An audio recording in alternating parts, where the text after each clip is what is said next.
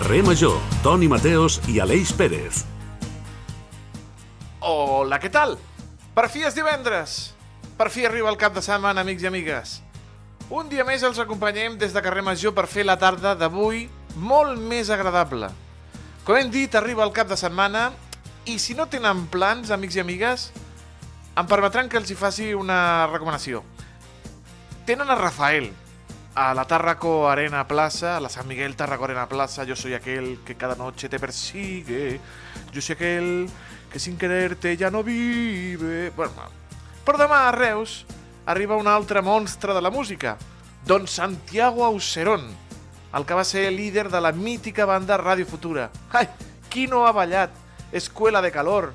O l'ha cantat a ple pulmó en alguna festa del poble, fent el xuru xuru xuru xuru. Arriba dins del Festival Accents, al Teatre Fortuny de Reus, a presentar el seu nou projecte musical, el gran Santiago Auserón, que ha estat també Juan Perro en una de les seves versions. Qui no ha cantat allò de Será porque siempre he estado del lado del pescado que nunca había pensado que pensado en estar del otro lado o una cosa així. Ara arriba amb la seva Acadèmia Nocturna, un projecte on barreja el rock amb el jazz i també una banda de músics de tot el món. Lo bo d'aquest concert del Festival Accents és que també serveix d'excusa per celebrar els anys d'uns companys, els de la nova Ràdio de Reus i els seus cosins germans del Reus Digital. Parlant de la nova, que està d'aniversari. Aleix Pérez, bona tarda. Bona tarda, Toni Mateus. Eh, moltes gràcies per la part que em toca, a mi també. Quants anys feu la nova? 40. I ben Oh. portats, eh? I ben portats. Però fantàstics, eh? Sí, guapos, guapos, Com el, com el primer dia. com el primer dia, com el primer dia. Ai, 40 Ja. anys. eh? Sí, I a més també permeten dir que, que també jo he tingut l'oportunitat de, de conèixer també una mica el Sebastián Auserón a partir de recomanacions Com li has dit, musicals. Sebastián?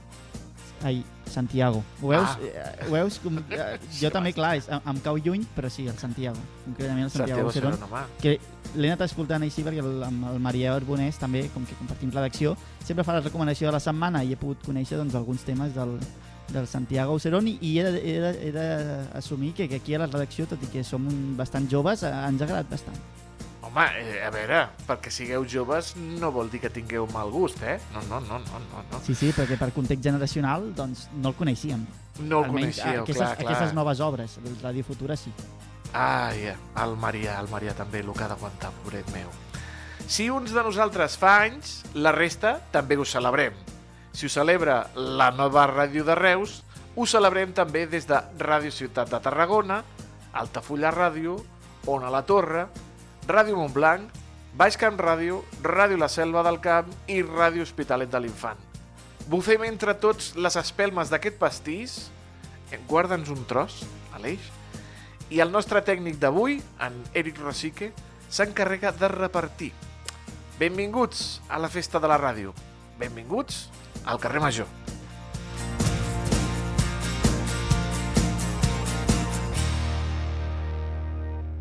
Carrer Major, el primer programa del Camp de Tarragona.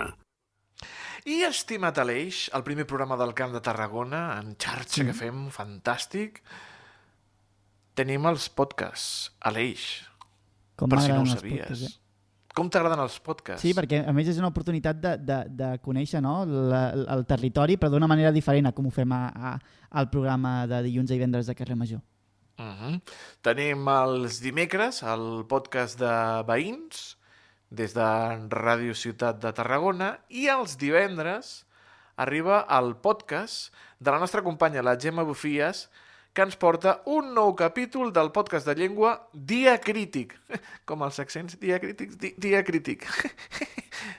que graciosos. Avui ens hi presenta el concurs Crea OCAT, una iniciativa de la Euroregió adreçada a joves que volen crear contingut en català i en occità a les seves xarxes socials. Escoltem-ne un tastet, si et sembla. Dia Crític, el podcast de la llengua catalana que posa al punt de mira les fortaleses i les debilitats de la llengua dels països catalans. Si parles català o occità a les xarxes socials, tens premi. Aquest és el reclam que la segona edició del concurs Crea o CAT Joves Creadors a les xarxes socials en català i occità fa en la seva nova convocatòria, una iniciativa organitzada pel grup de llengües de l'Euroregió Pirineus Mediterrània. El premi està adreçat a joves creadors catalans i occitans de l'Euroregió.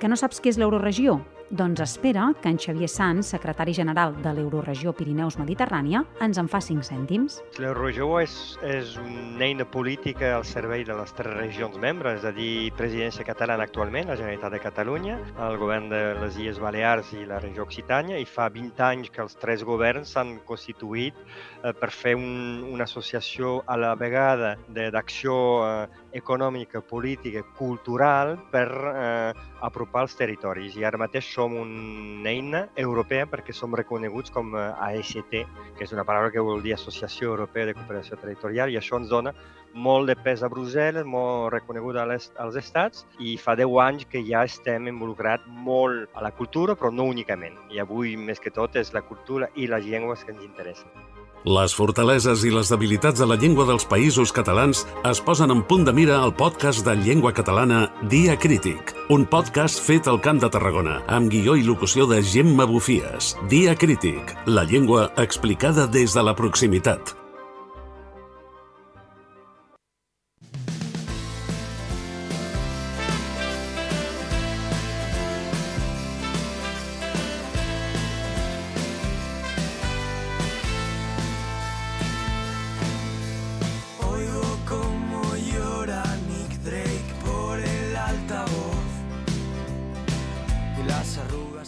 El Memory Mash s'ha fet gran. Ha arribat a la seva majoria d'edat. al Festival Internacional de Cinema de Reus fa 18 anys.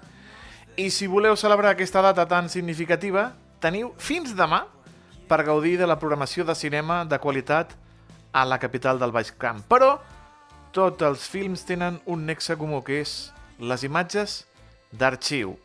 Per parlar del Memory Mash, hem convidat als estudis de la nova ràdio de Reus a l'Anna Petrus. L'Anna Petrus, que és la seva directora artística i a la qual saludem. Senyora Petrus, molt bona tarda i gràcies per participar en el carrer Major. Bona tarda, gràcies a vosaltres per convidar-me. Majoria d'edat del Memory Mash. Què heu après de les 18, bueno, de les 17 edicions anteriors, des del 2005? Uf, quina pregunta més àmplia. Uh, bueno, jo he de dir que jo soc director artístic els últims quatre anys, uh, uh -huh. hi ha hagut directors artístics que m'han precedit. Eh, jo crec que el Memory Mash és un, un festival consolidat amb un caràcter molt marcat, eh, té una forta personalitat i crec que um, ha acompanyat molt bé durant tots aquests anys, a les 17, les 17 edicions anteriors i l'actual, el millor del que, del que es fa al món, diria, eh, pel que fa a cinema fet amb imatges d'arxiu. Té una selecció molt acurada, el Memory Mash, eh, diguéssim petita, però cada una de les pel·lícules que es projecten són, és una gran joia, una gran petita joia, i, i el que m'he après és que, no, que aquest tipus de pel·lícules no s'esgoten, no? que tenen sempre un públic i que, que segueixen sempre pel·lícules molt necessàries que, que és necessari subratllar, acompanyar i fer veure la gent. L'objectiu principal del Memory Match, a banda de la competició, etc etc, quin seria? Suposo que seria la, de la recuperació no? de, del patrimoni audiovisual? Sí, bueno, això seria una de les, de les funcions que té, que té utilitzar la imatge d'arxiu, però també la imatge d'arxiu pot ser, pot ser utilitzada de forma molt creativa, no? I d'així ho posa de manifest les pel·lícules que tenim, que tenim al festival normalment. Eh, evidentment, el, la imatge d'arxiu té cap valor factual molt, molt vinculat a, a la història, als fets històrics, al passat, a documentar la memòria, no? la memòria històrica i social col·lectiva, però també individual i, i tal com van demostrant els creadors i les creadores que s'enfronten a aquest material d'arxiu, que cada vegada és més gran, eh, es poden fer pel·lícules que tenen una vocació molt, molt objectiva, no? d'explicar la història d'una forma des del discurs oficial, per dir-ho així, però també es, pot, es, es poden utilitzar les imatges d'arxiu d'una forma molt creativa no? i explicar la història des de punts de vista més subjectius, més invisibilitzats, i, o també mm, mostrar com la realitat és en realitat una ficció no? que depèn de la subjectivitat de cada un de nosaltres. No? Llavors, bueno, per això segueix, per això és un material molt fascinant, no? perquè és interpretable també. Bona tarda, Anna. Em, tu portes des del 2020 al capdavant de la direcció del Memory Mash, però tot i així hi ha hagut una pandèmia, hi ha hagut també, doncs, òbviament, hi ha l'aparició de noves plataformes on veure continguts també. Quin ha sigut el, el creixement i l'evolució i l'adaptació del Memory Mash en aquests nous factors? Des de la pandèmia, m'estàs preguntant, la postpandèmia, um, bueno, doncs estem ara investigant, i de fet ho estàvem parlant aquests dies, de quina manera podem ampliar el nostre públic. El Memory Match té un públic molt fidel, eh, que arrossega de fa molts anys, és un públic madur eh, i com gairebé tots els festivals del món i el cinema en general ens falta connectar amb les generacions més joves. Eh, sí que és cert que el Memory Match té la secció Memory Jove, que va destinada a, són les projeccions matinals que fem als matins, que va destinada a alumnes d'instituts, adolescents i tal, però hi ha una, com una franja d'edat que potser encara no, no l'estem apel·lant directament perquè el seu llenguatge audiovisual, la, el consum que en fan és totalment diferent. No? I això que és una, una preocupació que està present a tots els festivals del món, jo ara que viatjo molt i vaig a molts festivals del món és algo que recurrent, que va sortint, de quina manera podem connectar amb aquestes audiències, um, doncs nosaltres també tenim aquesta preocupació i crec que una mica aquesta seria és el repte al qual s'ha d'enfrontar el Memory Image els propers anys. Uh -huh. Parlant de la, del Memory Jove, teniu tres seccions especials. Parlem de cadascuna d'elles, si li sembla, senyora Petrus. La primera, la secció oficial, la més important. Quantes propostes heu rebut i com heu seleccionat per la competició? A la secció oficial bueno, rebem, hem rebut una cinquantena de pel·lícules, però també hi ha altres pel·lícules que, que podem veure amb altres processos de selecció d'altres, per exemple, el Doc Barcelona, no? que està vinculat amb, amb el Memory Mash, eh, i pel·lícules que també podem veure en altres festivals. Llavors, potser tenim en compte un centenar de pel·lícules i nosaltres realment fem una selecció molt acurada Tenim, eh, si no m'equivoco, unes vuit pel·lícules a la secció oficial, eh, el qual dona compte d'això, no? que cada una d'elles realment és una petita gran joia, no? perquè evidentment hem pogut escollir doncs, les pel·lícules que més han, ens han fascinat. No? Eh, llavors, bueno, demostra que també això, la que una altra de les preocupacions dels festivals en general, no només del Memory Match, és la, la gran quantitat de pel·lícules que es produeixen i després la selecció que has de fer, no? que això és un, un, un problema comú, també molt comentat amb altres festivals, eh, que d'una banda permet doncs, fer aquesta programació d'aquestes perles, però al mateix temps, a l'hora de gestionar-ho, a vegades és complicat. Són moltíssimes pel·lícules. Uh -huh. Hi ha baralles a l'hora de dir aquesta ha d'entrar, aquesta no ha d'entrar? Com, com, com, com se selecciona això, senyora Petro? Els criteris, sí, perdó, que m'ho havies demanat. Um, bueno, hi ha diversos criteris, no? D'una banda, hem de tenir molt en compte el públic que tenim aquí a Reus, òbviament. Després hi ha uns criteris mínim de qualitat dels films, que tenen a veure més amb els aspectes més formals. Eh, després també poden hi ha criteris a vegades temàtics, eh, diguéssim, pel·lícules que puguin generar un interès en el públic local per, perquè es té alguna proximitat o alguna connexió directa amb el públic d'aquí. Eh, I després la forma com s'utilitza l'arxiu, no? que per nosaltres això és molt important, l'arxiu tant visual com sonor, de quina manera s'està tractant, si s'està proposant alguna nou o s'està proposant alguna creativament diferent o especial, el caràcter que pugui tenir la pel·lícula. Segona secció, Memory Reus. Aquesta és més local, aquesta és cosa d'aquí, és, eh, tenen molt, molt de carinyo amb aquesta secció, no?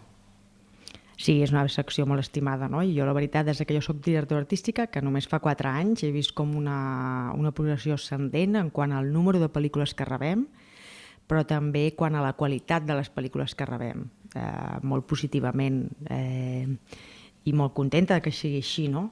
Eh, aquest any hem rebut com una desena de films i tenim una selecció de quatre pel·lícules i, i bueno, són quatre pel·lícules també excel·lents, no? Tenim dues pel·lícules que estan connecten amb, amb la Guerra Civil o les històries derivades de la Guerra Civil. I després tenim, tenim altres pel·lícules, eh, una pel·lícula que indaga amb el col·lectiu LGTBIQ+, eh, a Tarragona de, de, diguéssim, del post, postfranquisme i, i aquesta, aquest curt tan magnífic es diu Rentadores i Rentadors, perdó, rentadors i rentadores, eh, que recupera, que es veurà precisament aquesta tarda, i recupera, recupera el rentador del barri del Carme de Reus, que és un dels pocs que es conserven a Catalunya. I acabem amb la tercera secció que ja havíem comentat lleugerament abans, però és el Memori Jove on participen els alumnes d'institut. Jo mateix també he participat en, en anys anteriors. Quin, com es disfruten aquests continguts, aquestes temàtiques, com es trien i per què s'aborden els temes concrets en, en, en aquest, ordre, en aquest doncs, interval específic d'edat? Bueno, el Memory, el Memory Jove sí que tenim molt en compte el tema. Les pel·lícules pesa molt, en aquest cas eh, evidentment, la qual, tots els altres criteris que us he esmentat també, però en aquest cas el tema l'hem de connectar molt a les preocupacions d'aquest tipus de públic i també intentem posar pel·lícules que, que posin sobre la taula aspectes que ens estan important o, o aspectes que s'estan debatent a l'agenda pública en el moment. No?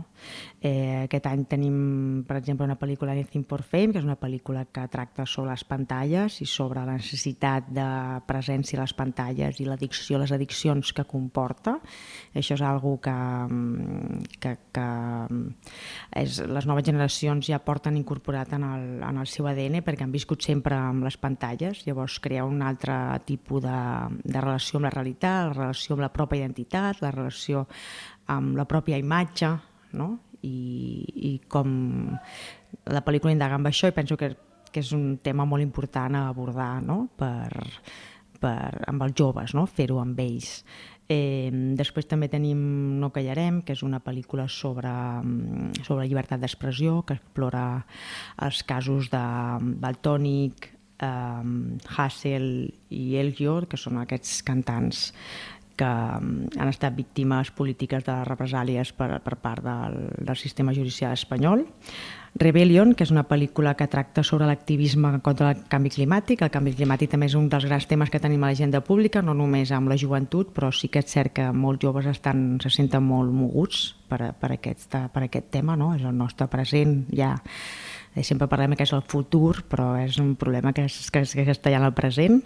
I després una pel·lícula que es diu We Met in Virtual Reality, que és la pel·lícula més, eh, diguéssim, més radical o una mica més diferent, en el sentit de que està totalment rodada dintre la realitat virtual, eh, però no deixa de ser real, perquè de darrere de les imatges que veiem hi ha unes persones no?, que estan interactuant i estan, eh, estan agafant un rol, estan agafant un, unes imatges, estan, estan eh, diguéssim, teixint les relacions dintre dintre d'aquest món que són totalment diferents de que, del que farien a la vida real. No?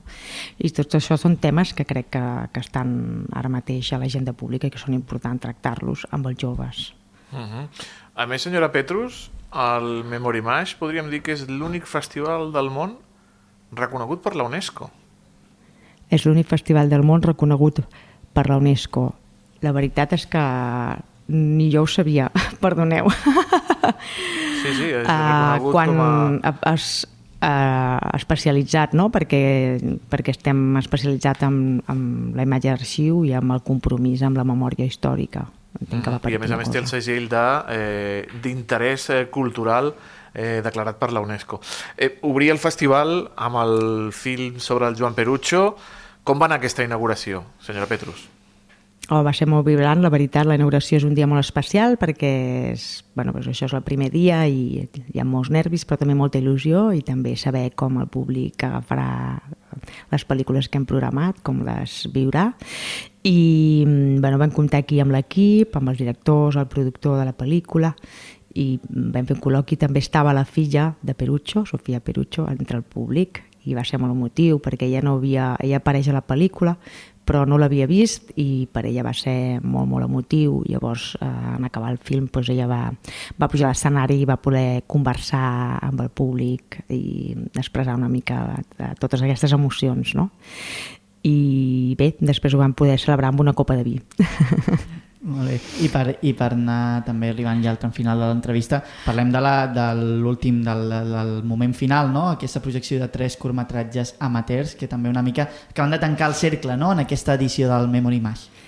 Sí, tanquem, tanquem uh, el Memory Mash amb tres peces per cortesia del Simir, que són set peces, tres peces perdó, uh, de cinema amateur. Aquest any celebrem, el Memory Mash està celebrant també, s'afegeix aquesta efemèride al centenari del naixement del cinema amateur. El 1923 Kodak va crear la primera càmera en 16 mil·límetres i això va suposar després la, la creació de Super 8 i, de, i la forma com el cine va entrar dintre de l'espai domèstic, dintre de la, la llar de les persones i es va començar a crear una història del cine, no?, paral·lela al que seria la història oficial, documentant, documentant algo molt important, no? que és com les persones individuals i anònimes eh, han viscut no? els grans esdeveniments socials, històrics, polítics, econòmics de la història.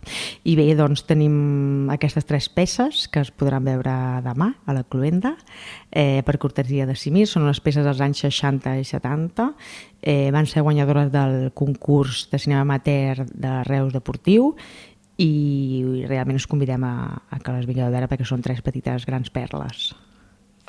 Doncs ja ho saben, amics i amigues, un altre pla per aquest cap de setmana és gaudir del Memory Mash, que arriba als seus 18 anys, en bon estat de salut del cinema d'imatges d'arxiu.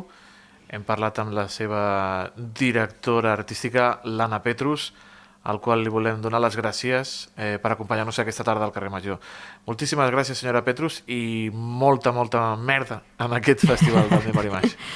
Moltíssimes gràcies a vosaltres pel vostre suport al festival, que és molt important, no? de comunicació i el suport comunicatiu és superimportant perquè pugui arribar a quanta més gent millor. Un plaer, moltíssimes gràcies. Gràcies, adeu. El que passa al Camp de Tarragona passa pel carrer Major.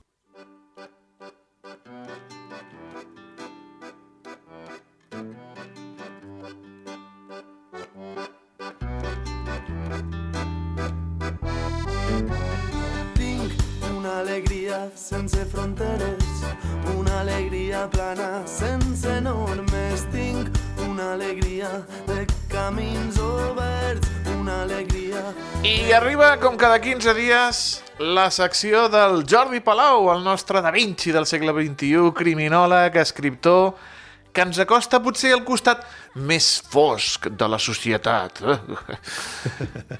Sí, ja riu, ja riu el Jordi. Avui amb un tema que, hosti, també, Jordi, hem escollit un tema Haurem adolescents posar- i drogues. Haurem de posar llum a la foscor, no? Llum a la Ai, foscor. Adolescents i drogues. Jordi Palau des dels estudis de Ràdio Ciutat de Tarragona. Bona tarda, com estàs? Molt bona tarda, Toni. Què tal esteu? Bé, espectaculars, com sempre, espectaculars, veig, com veig, sempre. ja ho veig. Sempre ha estat present el tema de les drogues i els adolescents, eh, Jordi. Sí, bueno, ja ho sabem que la humanitat sempre tenim tendència a provar coses. Això no és una cosa d'ara, eh? Això ja fa des de que existeix la humanitat que hem buscat experiències eh, sensorials. Eh? Hem buscat de tot tipus d'experiències sensorials. I ara, doncs, avui en dia, doncs, no, no és res diferent. El que passa que ara la química també fa les seves coses. Ha canviat molt en els darrers anys el tema de les drogues? Perquè jo recordo, als 80 era l'heroïna, Sí. als 90 era la cocaïna, Mm -hmm. als 2000 ruta al bacalao, èxtasis, esta no, Esta sí, esta no. 2010, 2020...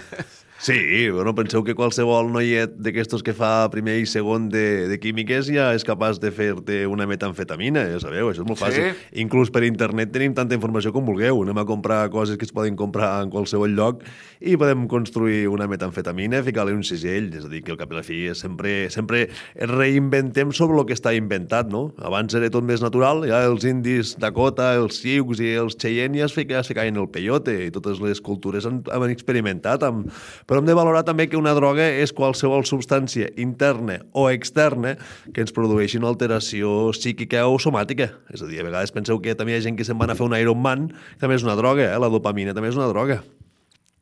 Ui, Ah, t'ha agradat aquestes- aquesta, eh? Aquesta ho tocarem un altre dia. Drogues legals. Drogues legals, sí, sí. L'alcohol també és una droga legal, però bueno. També, també. i Tots el, els, ta- els, bueno, el tabac, sí, també. sí, tots els adolescents com hem començat a, a tastar les drogues amb la droga de casa, el dia de Nadal, eh, fer una copeta de vi, el cava, eh, després pues, el sal... És que no, hi- les llegendes urbanes aquelles de no, perquè si comences amb marihuana acabes amb cocaïna. Recordeu quan érem jovenets que ens deien Sí. "I després- i t'acabaràs punxant. Va, això són llegendes urbanes, tothom, eh? Hi ha moltes de dopamines que ens donen alteracions. Però realment els joves cada vegada estan més, més informats i més desinformats amb això de les drogues, almenys des de la meva pers perspectiva criminològica. Tenen molta La més marihu- informació que nosaltres. Digue'm, digue'm. Mm, La marihuana continua sent, entre cometes, la reina entre els joves. És barata, Sí. Fàcil de trobar, no està considerada una droga dura. Correcte. Eh, alguns diuen, no, és que jo la faig servir per, Sí. per pal·liar mals i, i, I per relaxar-me. Eh? és per relaxar-se, eh? Diu, bueno, va, abans a dormir, un porret... Bueno, al cap i a la fi és com dient, si, si ho- si la, la, la marihuana fumada és com, un, és com el tabac. Si, no dic que sigui el tabac, simplement és, és el mateix procediment, no? Però llavors, clar, eh, no si, ho, si està regulat per l'Estat amb uns, amb uns impostos, doncs se n'hi diu tabac, i si està regulat, no està regulat, se n'hi diu marihuana, i llavors costa, doncs, no sé, 50 vegades més. Això sabeu que hi ha una sèrie d'interessos. Si el Philip Morris hagués legalitzat en el seu moment la marihuana, doncs ara estaríem comprant marihuana.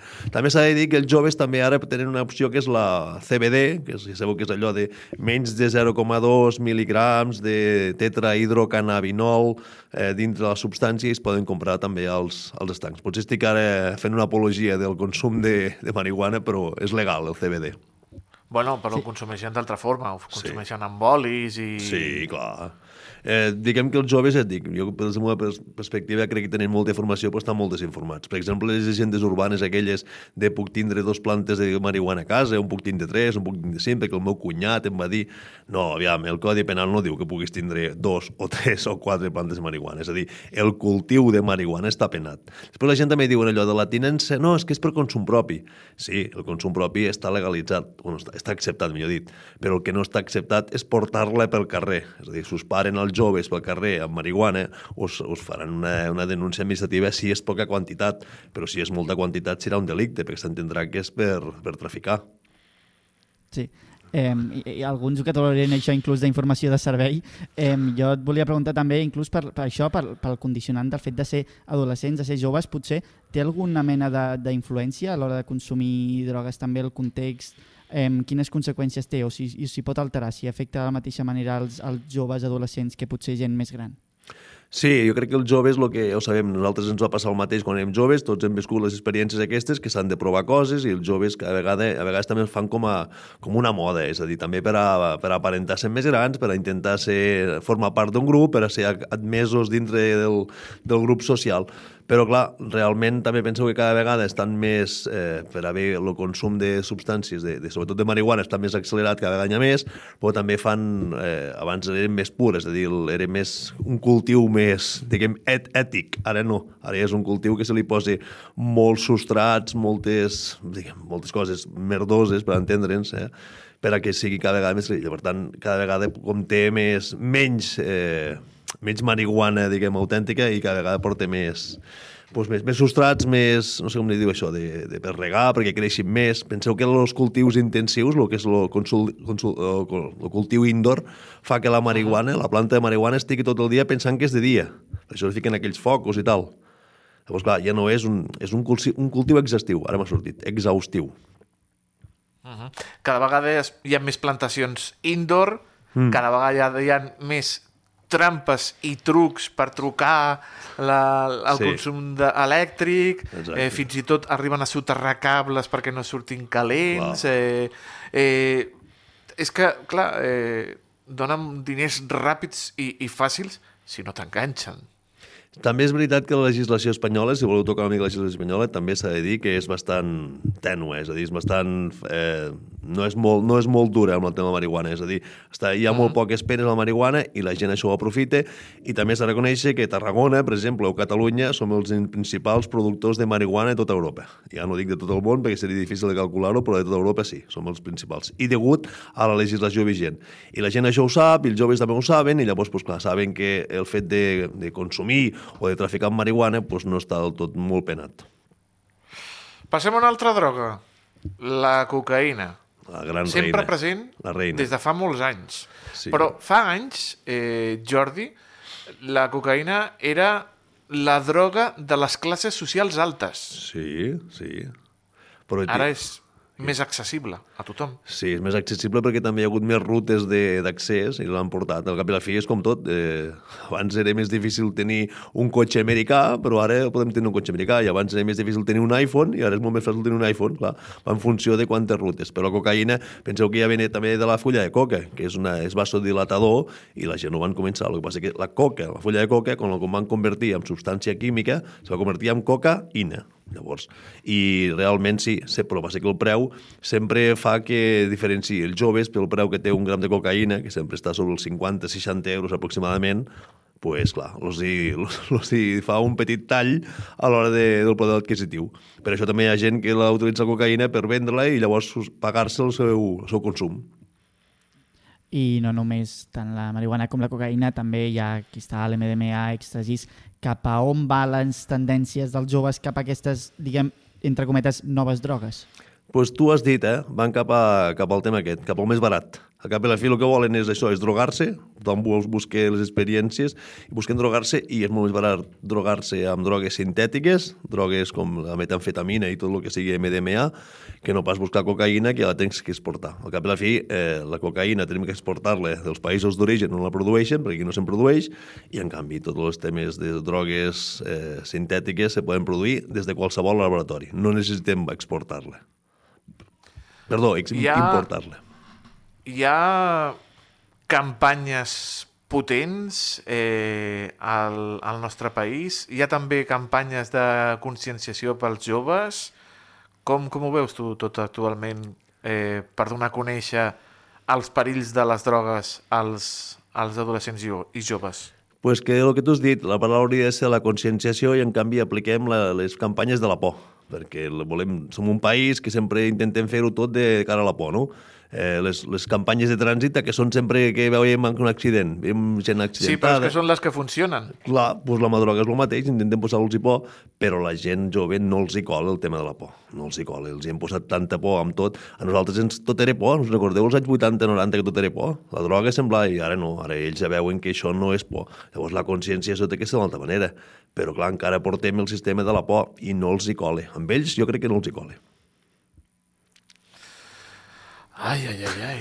És un tema delicat, no? Molt delicat. Al cap la fi, penseu que la educació de que sortir de casa. I a casa els pares us hi diuen és que és molt dolenta la droga. Bueno, I això és, això és el gran discurs. Anem a intentar proposar-los. La droga és des de que això, des de que prenem una copa de vi fins que després agafem el cotxe. No, jo és que controlo com vaig begut. I després, no, jo controlo perquè la marihuana em relaxe. Bueno, clar, que si sempre busquem l'excusa, és com el tabac. El tabac, quan estem, estàvem estudiant, eh, quan ens adormíem, fèiem un cigarret. I quan ens volíem dormir, fèiem un cigarret. Quan ens interessa, la marihuana ens relaxa. Quan ens interessa, la marihuana ens dona vitalitat. Quan ens interessa, l'alcohol ens relaxa. Quan ens interessa, l'alcohol també li fiquem... No? Pues les pastilles el mateix. Passa que realment va passar a l'època dels nostres, bueno, altres i inclús els an- anteriors, del tema de, de HTV i tota aquesta zona, de que dius tu, allò, la zona de València, que va haver tot allò Home, de... l'activi... la ACTV, la Pues sí, discoteca de us, València. us en recordeu, no? Pues ara hi ha molts nens, eh, molts, molts dels seus fills, que ara tots tenen TDA i TDAH.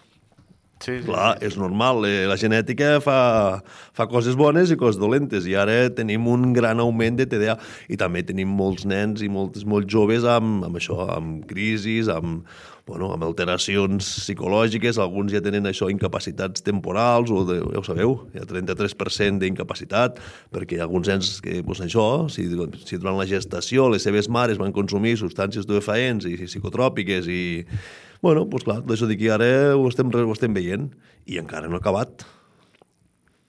Deien allò de no te drogues, no te drogues, i sí. mentrestant la mare es prenia pastilles per relaxar-se dels nervis. Exacte. Penseu que som el país amb, amb més consum d'ansiolítics, eh?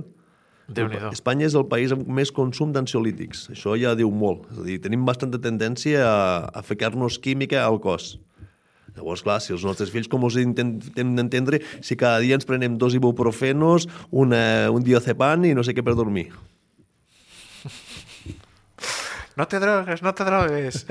Jordi Palau, Moltíssimes gràcies. A vosaltres. Tornem a parlar d'aquí 15 dies de, de més temes interessants. Ens Una veiem. abraçada. Una abraçada. Adéu. Adéu-siau. Adéu, adéu, amic. Un passeig al carrer Major, cada tarda a la teva ràdio local.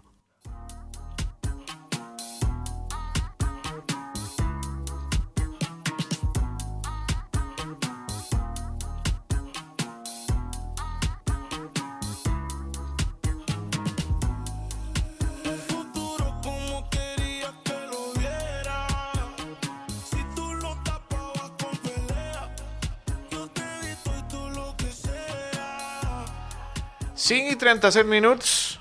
Continuem aquí al carrer Major i donem la benvinguda a l'Antonio Mellado. Hola, Toni Hola. Mateos. Hola, Aleix. Què tal? Com esteu? Jo Doncs espectacular, com sempre. L'Aleix no ho sé. Sí, també ho, també ho està, també ho està. També ho sí, segur. encantat, encantat de que, de que, vingui, de que feu la jarana dels, dels tonis, que, que, sempre, que sempre va bé, i més en divendres. Demà, Aleix, és 11 de l'11 Oh. 11 de l'11. i ojalà ens, toc, ens toqui la 11. Però no t'ha passat mai, Aleix, Aleix, que de sobte mires l'hora i són les 11 i 11? Sí. O et despertes Sí. a la nit i mires la, el rellotge de la tauleta i veus 11 i 11. Sobretot de, de, ja del, de la, del dia següent, del, del matí. Ah, vale, vale, vale, sí, que te'n vas a dormir tard, sí, també és veritat. O estàs escrivint en l'ordinador, mous els ulls, mires el rellotge de baix i vius 11, 11.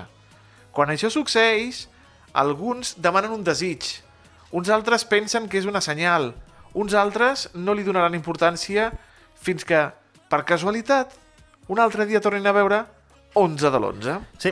Què hi ha darrere d'aquest codi que va fer que els científics es posessin a estudiar les seves aparicions en moments clau? Mm. Doncs en les creences populars moltes versions circulen. Eh? Es diu, per exemple, que les persones que veuen repetidament en determinat moment estan a punt d'experimentar una crisi o una etapa significativa de la vida. Però no tot és degut... Però, però no, eh? Tot és degut a un terme que es diu apofenia o apofènia. A l'apofènia, se m'ha oblidat ficar-li l'accent.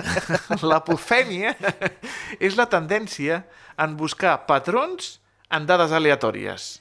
Quan algú veu un número doble, en aquest cas l'11, tendeix a recordar-lo més que si veu un altre número, que si veu un 9, un 8, un 10, i a més a més repetit, 1, 1, un número doble.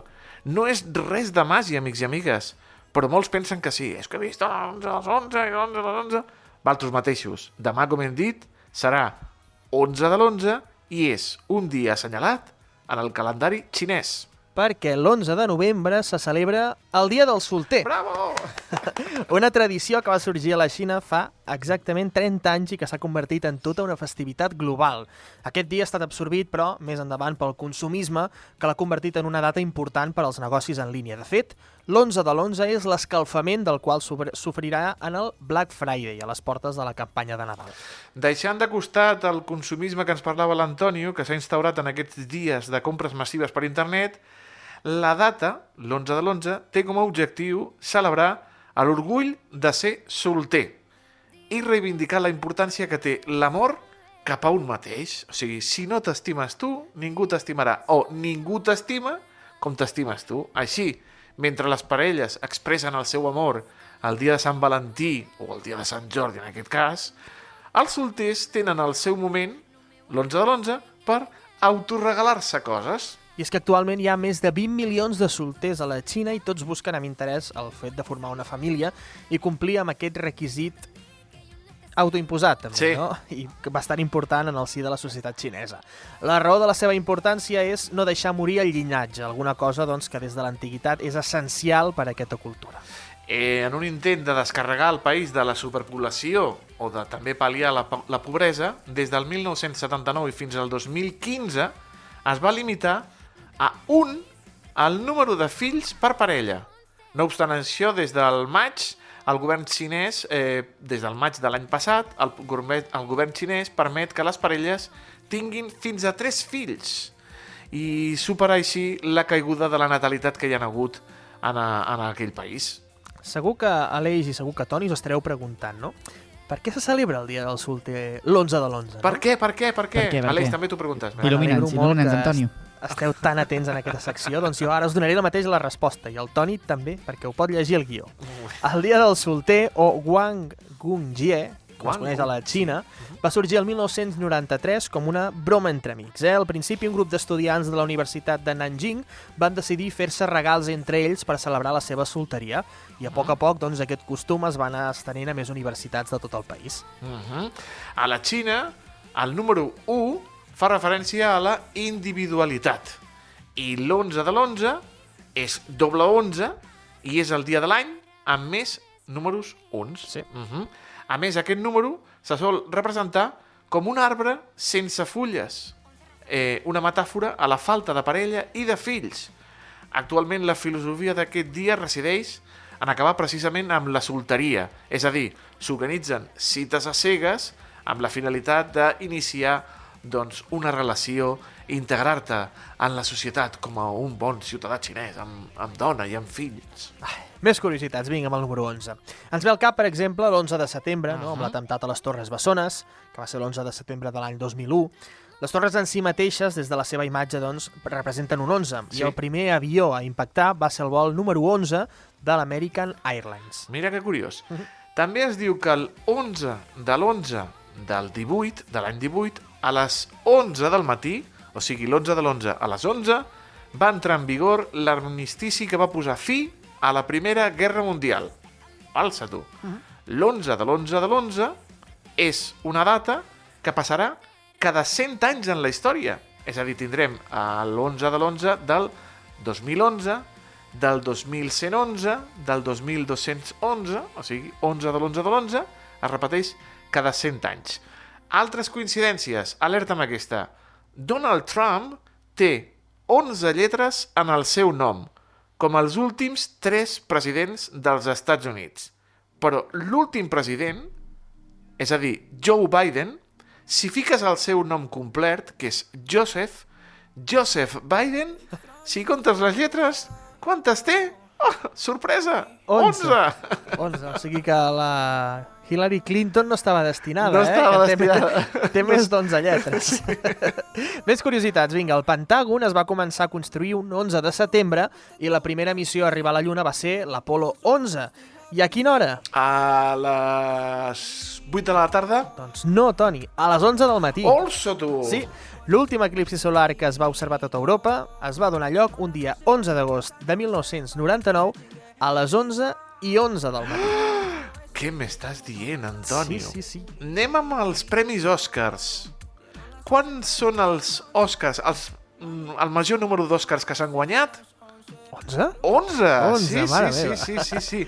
Aquesta pel·lícula, la van, aquesta fita la van aconseguir tres pel·lícules, no 11, tres.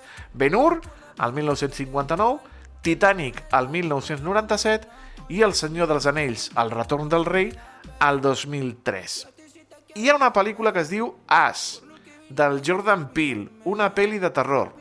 I surten un munt de cops l'11, les 11 i 11 minuts en els rellotges.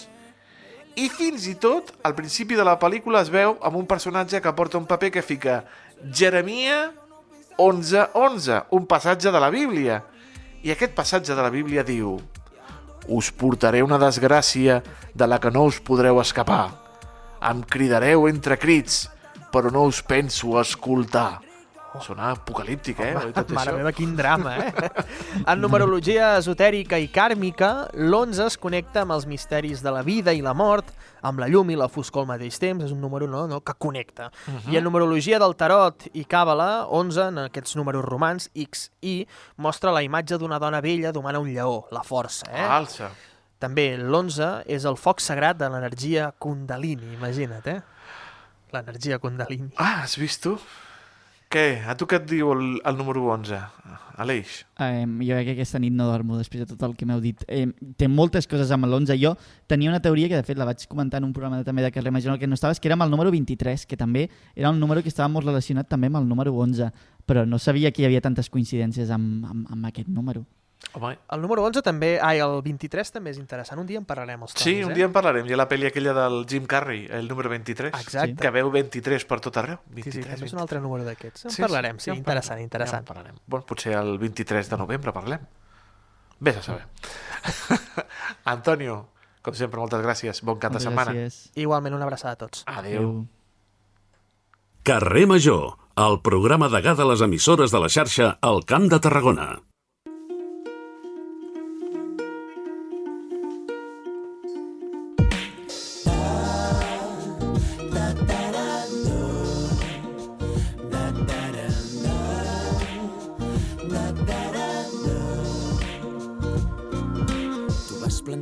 Un girassol al pit.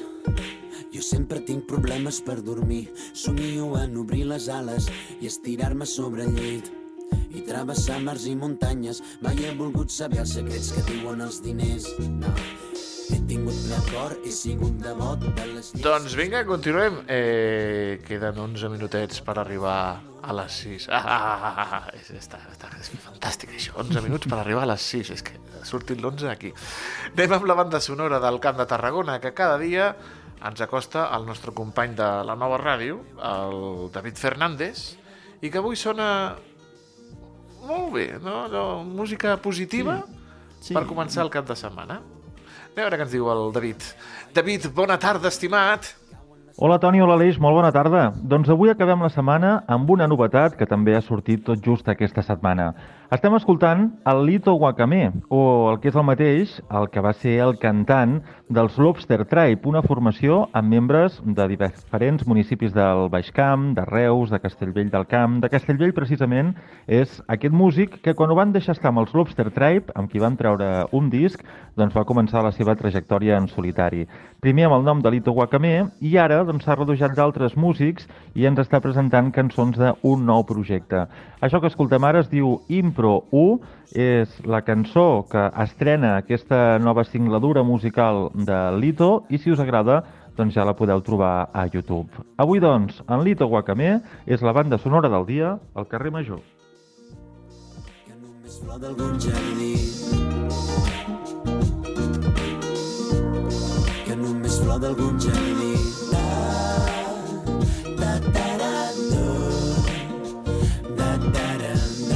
El Lito, el Lito, Lito Guacamé. Doncs mira, Sí, m'agrada, sí. m'agrada, perquè dona bon rotllo. I saps, Aleix, que també dona molt bon rotllo? Crec que sé per on vas. Amb aquesta hora?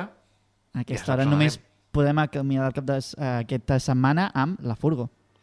Efectivament, Aleix, molt bé, estàs ben atent a la nostra furgoneta. Sempre. I amb la nova conductora de la furgoneta, la Cristina, que avui me sembla que se n'ha anat fins a Valls. És així o no, Cristina? Bona tarda. més a la Furgo i avui em trobo a Valls, perquè parlem del cicle Valls Història Viva, unes representacions teatrals que ens ensenyaran exactament en moments de la Guerra Civil que van passar a Valls des de la perspectiva de les dones. Per parlar-ho estic amb la regidora d'Acció Cívica i de Joventut de Valls, la Natàlia Monconill. Bona tarda, Natàlia. Hola, molt bona tarda i moltes gràcies per convidar-nos. Doncs aquest cicle serà aquest cap de setmana i no és la primera vegada que es fa, veritat? Tot va començar el 2021. Exacte, va començar eh, el 2021 amb la, primera, amb la primera edició. El que es volia amb aquest projecte és que els ballencs coneguin el patrimoni material i immaterial que tenim, que el posem en valor, perquè moltes vegades, fins que no ve algú de fora, no valorem el que tenim, Eh, I aquest és, aquest és l'objectiu. Neix el 2021. La, la, el projecte Valls Història Viva és eh, una ruta teatralitzada per diferents llocs eh, de Valls, llocs coneguts i menys coneguts per la, per la ciutadania, eh, i s'hi explica en aquests llocs pues, contextos històrics de, de, de fets que hi, van, que hi van ocórrer. La primera edició la vam girar entorn a diferents revoltes que ocorrien en diferents moments històrics i aquesta vegada, en aquesta segona edició, ens centrem en un, en un context històric molt marcat, que és el de la Guerra Civil, i donem eh, la visió que tenen les dones. De fet, ara mateix ens trobem en, en el primer punt no? d'aquesta ruta de, de Valls Història Viva, que és un safreig. Això és el punt de partida, però, però què més podrem veure en aquesta ruta? Exacte. Bé, eh, el que podrem veure és eh, com són les dones eh, que viuen la, la Guerra Civil, quina és la seva visió, perquè fins ara eh, el que se'ns ha donat a conèixer a través de la història és el, els homes que van al front, que es barallen, però qui es queda realment a les ciutats eh, sostenint la vida eh, són les dones, no? que tenen el patiment de, de mm, qui, què donaran de menjar als seus fills, eh, com pagaran els, els eh, aliments que s'encareixen, què passarà si els homes no tornen, i aquests són, són els temes que, que a elles més els hi preocupen. El que també pretén eh, aquesta, aquesta edició del Valls Història Viva és trencar mites. No només són els homes eh, que van al, al front, sinó que encara que són poques, eh, però molt valentes, hi ha dones que també decideixen anar al front. I aquí a Valls tenim dues figures rellevants com la Dolors eh, Viva Rodon i la Maria Filipa Espanyol. I per poder doncs, veure representats teatralment no, tots aquests moments, ha d'haver una investigació prèvia. Tot això també sorgeix de Valls o com va ser? Sí, sí, tot, tot sorgeix aquí. Eh, primer ens arriba un suggeriment de, de dues historiadores ballenques, la Pilar Vives i la Ida Sánchez. Elles, eh, com a vocals de, de la vocalia de dones de, de l'associació de, del barri antic d'aquí de Valls, ens proposen aquest tema. Primer es fa un cicle de xerrades a, a l'Institut d'Estudis Ballencs, després sorgeix un modal que el podeu veure al, a les escales de la peixateria, que també gira entorn a aquest, a aquesta temàtica. Fa uns mesos s'edita un llibre, també de l'Institut d'Estudis Ballencs, el número 40, eh, 83 dels quaderns de Vilaniu, i ara finalment arriba aquest, aquest Valls Història Viva que posa, posa paraules a tot això. I també tota representació teatral el que necessita són actors. Aquests actors són gent de Valls també, tot queda, tot queda a la ciutat. Sí, eh, bueno, estem, estem supercontents amb, amb la participació de la, de la ciutadania. Tots els actors que es podran veure que participen en el Valls Història Viva són actors amateurs, són voluntaris. Vam fer una, una primera crida i va tenir un èxit brutal. Estem movent una vuitantena de persones que col·laboren i que estaran aquí dos dies eh, pues, oferint el millor de si mateixos perquè la gent conegui aquest, aquest patrimoni. No sé si ens pots detallar també una miqueta quantes parades té aquesta ruta, una miqueta la, la durada i com pot fer la gent per, per venir a veure-ho. pues estem, estem parlant d'una ruta d'uns eh, 5 punts, si no recordo malament, eh, que dura sobre uns 45-50 minuts, més o menys. Eh, I amb tot això pues, eh, poden veure aquesta, aquesta història que, que hem preparat perquè, perquè la coneguin. Eh, ara per ara, eh, aconseguir entrades ja és mm, impossible. Eh, hem exaurit entrades, estem també molt contents amb això, eh, i, però es podien comprar a través de la web de Valls. Ara ja- S'esperàveu exaurir les entrades tan ràpid? Sí, la veritat és que sí. Eh, perquè la primera, la primera edició, que tot i ser una primera edició ja va tenir molt, molt d'èxit, con la qual esperàvem que aquesta, aquesta segona edició, més tractant un tema eh, que no ens és desconegut, perquè és la història que les nostres àvies ens explicaven a casa, eh, és la història de, també de tots aquests col·lectius no, que han quedat en, en l'anonimat, eh, pues, que, que també crearia molta, cridaria molt l'atenció, no només de la gent que ha volgut comprar les entrades i que les ha exaurit, sinó també de tot el rebombori que ens ha portat a nivell de mitjans eh, aquest, aquest projecte. Vist l'èxit absolut de les entrades, ja no passa ni aquesta edició, però ja penseu en altres edicions, en altres coses que podríem explicar sobre Valls i la seva història? Sí, sí. la veritat és que sí. Eh, va, aquest, aquest projecte en principi havia de, de ser bianual, eh, es feia cada dos anys, 2021, 2023, però sí que des de la regidoria, veient l'èxit que té, eh, ens estem plantejant altres alternatives. Doncs res, una cita obligatòria d'aquest cap de setmana per venir a veure Valls, conèixer més de la seva història i conèixer un factor important, no? saber la perspectiva de les dones sempre a la història, sempre invisibilitzada. Moltíssimes gràcies, Natàlia Monconill, la regidora d'Acció Cívica i Joventut de Valls, i el dit que sigui tot un èxit. Moltíssimes gràcies. I això és tot de la Furgo d'avui. Ens veiem a la propera. Doncs moltes gràcies, eh, Cristina. Mira, avui he anat fins a Valls per donar a conèixer aquesta ruta, aquesta, aquesta festa, eh, per donar visibilitat a les dones. I nosaltres, amics i amigues, se'ns acaba el temps. Aleix, què faràs aquest fin de? Doncs mira, no ho tinc del tot clar. Hi ha el ganxet pinxo, hi ha Memory Mas, hi ha un munt de propostes superinteressants Reus que de fet hem anat veient durant aquesta setmana aquí a Carrer Major i no descartis que faci també algun viatge Home, en però- algun d'aquests llocs de, de menjar també. Que Santiago Ocerón aniràs a veure'l, no? Santiago Serón, estem, estic negociant, estic acabant de, de Mare veure, però meva. ho estic Ah, acabant deixa. de veure. A- a- Ara truco jo al, al jefe, i ara truco jo al jefe que et donin entrades. A tots vostès, que tinguin un molt bon cap de setmana. Tornem dilluns. Adéu, adéu. Adéu.